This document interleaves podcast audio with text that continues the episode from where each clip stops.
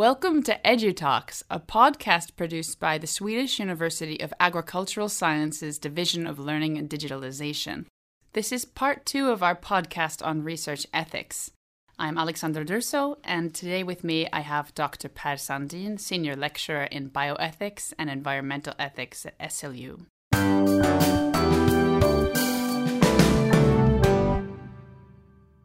Today, we're going to be talking about some more practical issues related to authorship, publication, international guidelines about related to research ethics. Per, could you say something about the different traditions or practices in different subject areas related to authorship?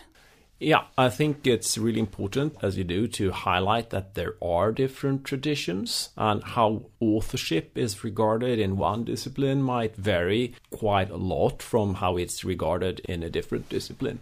Let's just compare, for instance, parts of the humanities with uh, how the natural sciences work, where in many humanities subjects, people write their authors, uh, their papers as single authors maybe we can say that we are cultivating the myth of the lone genius. that sounds like. right. But in sciences, almost all papers are written by groups, sometimes very, very large groups. And um, a paper in a scientific subject is also written in a very sort of fixed format, like the IMRAD format with an introduction, methods and materials, results and discussion. It follows a certain format.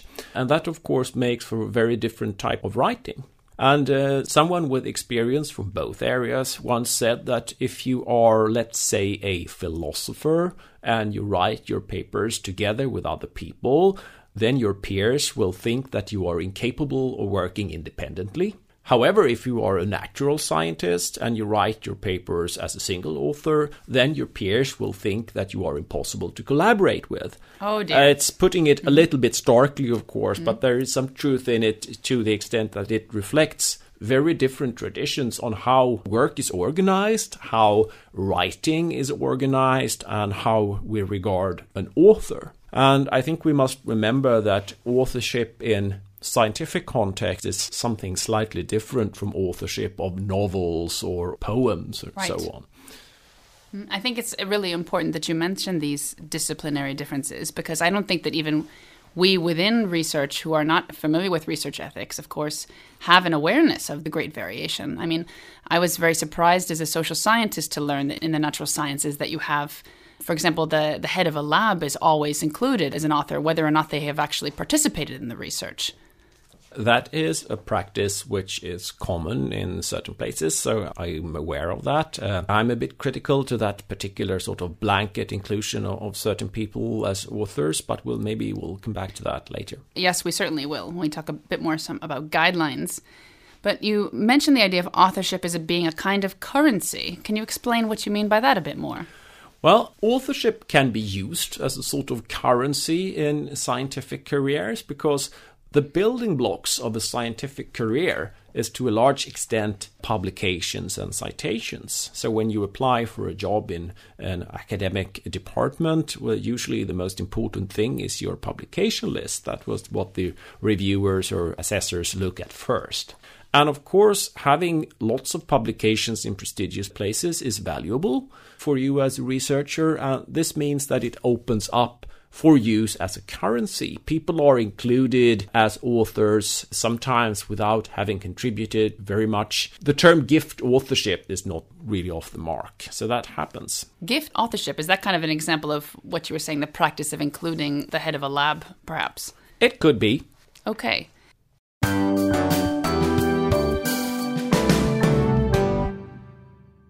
What about guidelines? In the first podcast, you talked about international framework. We, as, as researchers, can relate to publishing and what is uh, acceptable, or how do we motivate the reasons for including certain authors. And then if somebody does a certain amount of work, you know, is that enough to be included as an author? You know, what point mm. do we need to think about authorship versus just participation in some way? I think that the most uh, widespread uh, guidelines, especially in the biomedical field, but also it has spread from that, those are the so called Vancouver guidelines or Vancouver rules. They were adopted by something called the International Committee of Medical Journal Editors. And those journal editors were concerned with the fact that were papers with several hundreds and even occasionally several thousands of, of authors listed as authors of a paper. Because in large projects, there are very, very many people involved. And one of the main forms of rewards is, of course, that you are listed as an author. But they were nevertheless concerned with this sort of inflation in authorship. So they drafted guidelines for what would count as being included as an author. And those guidelines have spread. They have been adopted, for instance, by SLU, this university, as sort of in house policy for authorship. We should keep in mind, however, that guidelines are guidelines. They are not the law. They are not the commandments, but they are guidelines. And there might be reasons for deviating from those guidelines or choosing another path. My take on this is well, be aware of the guidelines and at least be prepared to justify if you deviate some way. Okay, so perhaps you could give us an example of what is included in these Vancouver rules for those who are unfamiliar.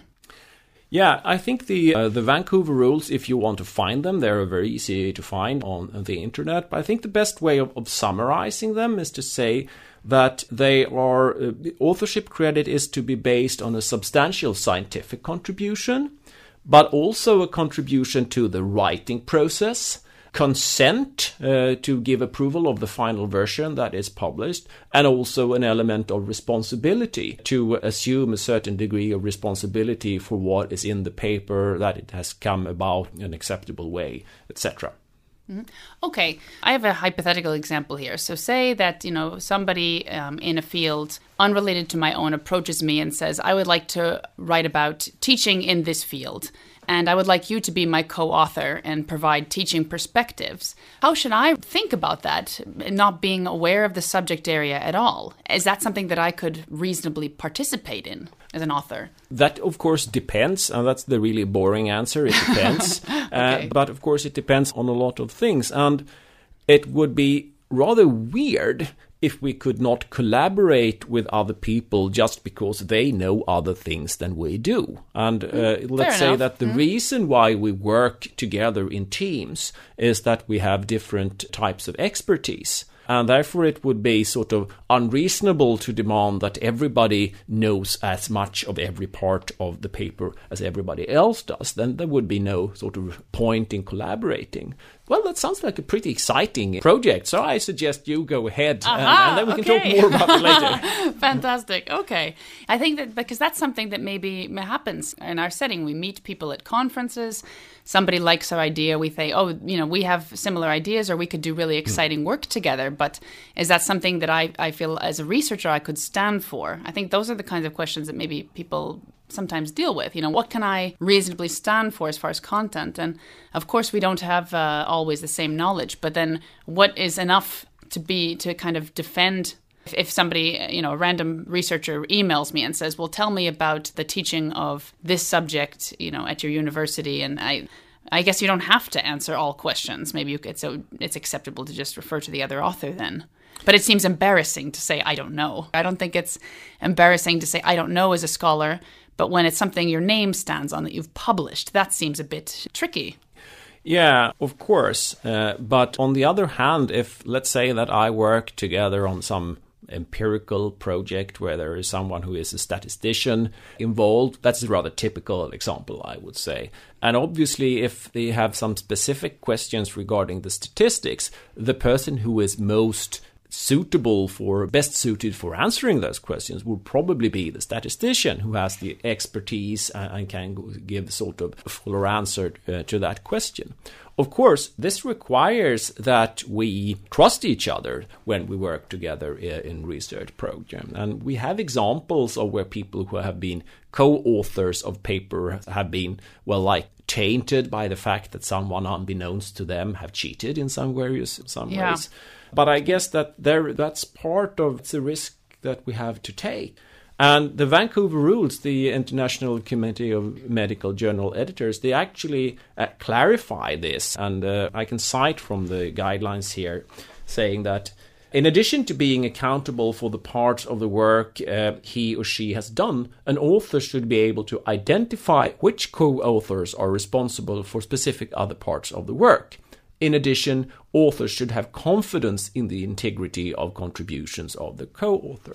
Mm. So it says we have to make sure that we trust each other, and that's uh, the way mm. it has to operate, I think. That's an answer I can live with, I think. That's good.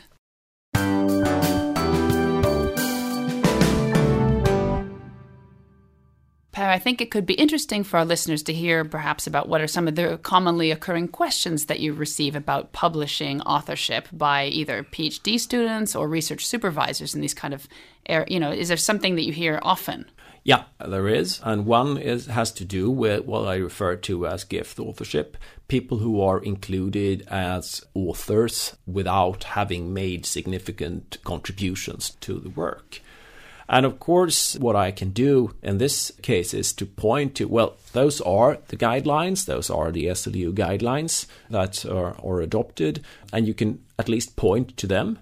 Of course, that does not solve the problem because there are politics, there are personal relationships, etc., involved in this, but that's one of the recurring questions that I have.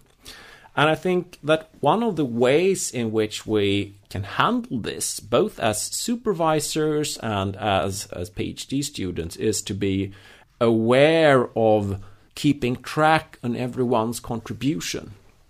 And as a PhD student, you are required to do that because you must be able to, to tell at the defense uh, basically what, what was my contribution to this particular article. And nowadays, many, if not most, journals require that the authors state explicitly what they have contributed to the paper. So, uh, one way of doing that is to start early and uh, uh, discuss with your colleagues what are the expected uh, responsibilities of each person in this and how is that to be reflected in, in position in the author list, etc., etc and draft a descriptive list of what each person has done. There are actually quite a few authorship scoring sheet. You can find them with your favorite search engine. Uh, there are plenty of them that can be used as a sort of aid in this process. And if you, for instance, if you have a group of people filling in what she independently what each and every one thinks that he or she has uh, contributed to a paper you can by pooling this you can get an overview and see okay are there any major inconsistencies between how much you alexandra think that you have contributed to the paper as uh, because if we write a paper together you and i and we both think that we have done 75% of the work that will uh, obviously not add up but what if you have, for example, a disagreement that people who are doing kind of an estimate of how much they have actually contributed to the research, people are not in agreement? You mentioned keeping track of one's contributions, but perhaps you don't even agree about that. How would you suggest that people go ahead? Well, let's take it from a PhD student's perspective because those are the ones who are usually at a disadvantage in, in those discussions, of course. Mm-hmm this is definitely a, a, situation where you can use all of your supervisors. So let's not just uh, turn to one person, turn to several persons and involve them in the discussion. Hopefully, the director of graduate studies should also be able to guide you in this situation. Mm-hmm. Okay.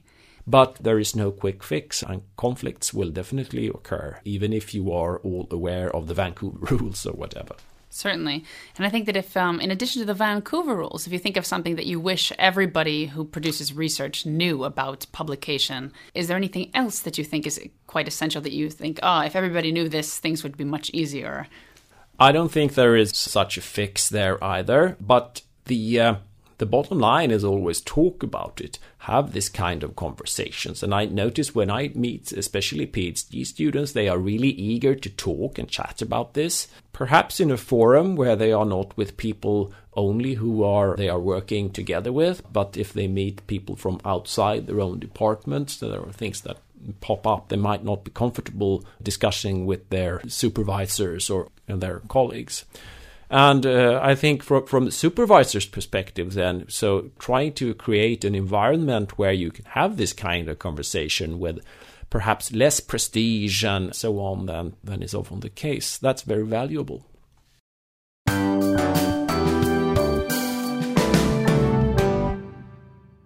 So that previous question I asked you was kind of related to people who maybe, if we could kind of address issues at the beginning of a research education, for example, as you named, you know, how do you help PhD students? Is there something that you think that even experienced supervisors need to always be aware of or to practice better when it comes to thinking about these expectations or guidelines or, or frameworks? What would you see any areas of improvement there supervisors can think about? I think uh, obviously that varies very greatly between different supervisors. Some are very much aware of this, and others might be less so. But I think just to be be aware of the issues and be aware that authorship matters very, very much for PhD students, and that authorship is well building block for scientific careers, and that is very important. Just just acknowledging that, I think, is is worth a lot. I know I'm pushing you to give easy answers to complicated questions here, and that's not always possible. But are there any kind of clear cases when you can think, okay, that person should not be an author because? Like, are there any kind of uh, contributions that are so minimal that they do not deserve authorship?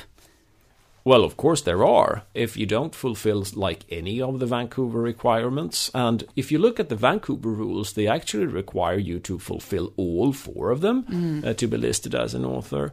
And there are situations where someone who has been contributed a lot to the uh, collection of the data or the materials, but then not being invited to the writing process, that's obviously not a good situation, and which is also something that the ICMJE emphasizes that, well, include people who have fulfilled one of the requirements to make it possible for them also to fulfill the other four.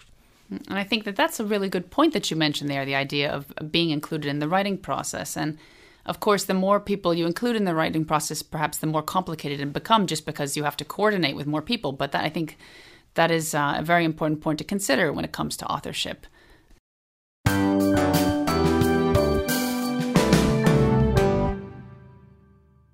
Per, in part one of this podcast, we talked a bit about breaches and good examples of research ethics. Do we have any examples of breaches or positive examples from publishing that you think are worthy of mentioning in this context?